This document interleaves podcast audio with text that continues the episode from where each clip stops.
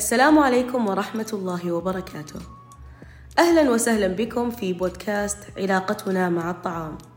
هذا البودكاست امتدادا لحملة ماذا يدور في الداخل، والتي يقدمها قسم التوعية الصحية لجمعية أصدقاء المرضى بعنيزة.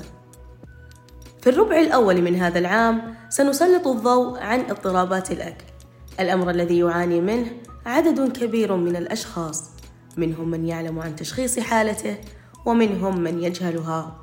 وستكون مع اليوم ضيفتنا سارة أهلا وسهلا بك سارة. حياك الله. الله يحفظك. حدثينا عن قصتك. بدأت قصتي في الصف الخامس ابتدائي. قريت كتاب الأمي عن الحمية الغذائية. من هذاك الكتاب عرفت وش تعني السعرات الحرارية إيش يعني كتلة الجسم والوزن وغيرها. بعدها صرت كل ما تضايقت من شيء أجيب الميزان أحسب كتلة جسمي أراقب وزني. مع أن وزني هذيك الفترة آه، كان في المعدل الطبيعي بالنسبة لعمري. آه، أتذكر حتى هذيك الفترة كانوا آه، صديقاتي يأكلون الشيبس الشوكليت العصاير وينبسطون. فكنت أنا آكل علشان أنبسط زيهم.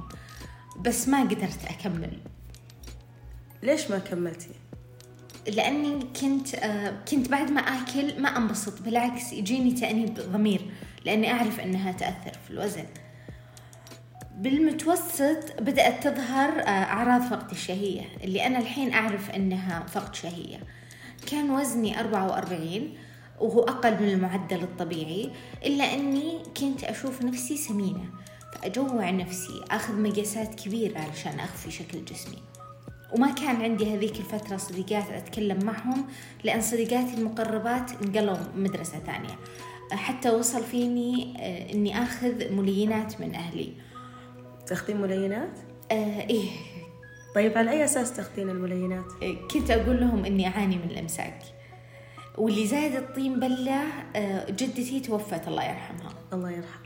هذاك الوقت وصل وزني 38 فزادت الأعراض انقطعت الدورة الشهرية وبدت تجيني دوخة تعب وما قدرت أتجاهل هذه الأعراض فاضطريت إني أروح وأحلل. وللأسف كل الدكاترة هذاك الوقت كان حلهم كلي أكثر كلي أكثر أنا ما أقدر أكل أكثر. في ثالث ثانوي وصل وزني ستة وثلاثين احتجت إني أسوي عملية إزالة كيس دهني.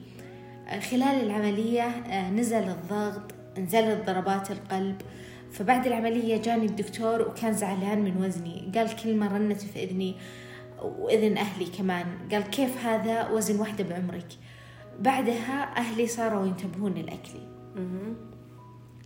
في الجامعة مع ضغط الكلية وضغط أننا انتقلنا لمدينة ثانية وصل وزني 28 28 28 فالأعراض بدأت تشتد ما كنت أقدر أمشي وقت طويل كان عندي صعوبة بالتنفس وطبعا هذه الأشياء أثرت على مستواي الدراسي.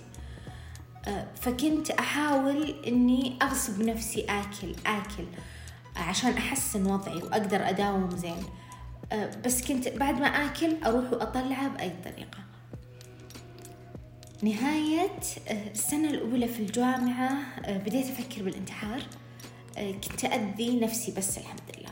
يعني ما كنت ما وصلت للمرحلة بس كنت أذي نفسي.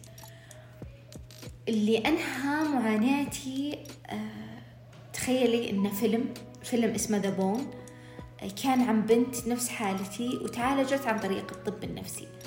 هذا الفيلم آه، فتح عيني. عرفت إني أحتاج أزور طبيب نفسي لأني أنا كنت أروح يسوون لي تحاليل يقولون لي كولي أنا ما أقدر أكل. ففتى هذا الفيلم آه، علمني إني أني أقدر أروح أزور طبيب إني أحتاج إني أزور طبيب نفسي. فعلا بعد زيارتي آه، تغير وضعي تحسن مستواي الدراسي علاقتي مع أهلي والناس صارت أفضل. والأهم طبعا إني صرت قبلت نفسي آه، ورضيت عن شكلي الحمد لله. الحمد لله على سلامتك يا سارة. الله يسلمك. شكرا. شاكرين لك مشاركتك لنا هذه القصة. نود تذكيركم بأننا نمر بعصر يدعو إلى الجسم المثالي والمظهر الكامل والذي قد يكون سببا للعديد من اضطرابات الأكل. فاحذروا أن تقايضوا صحتكم على حساب مظهركم. انتظرونا في الحلقة الثانية من سلسلة علاقتنا مع الطعام.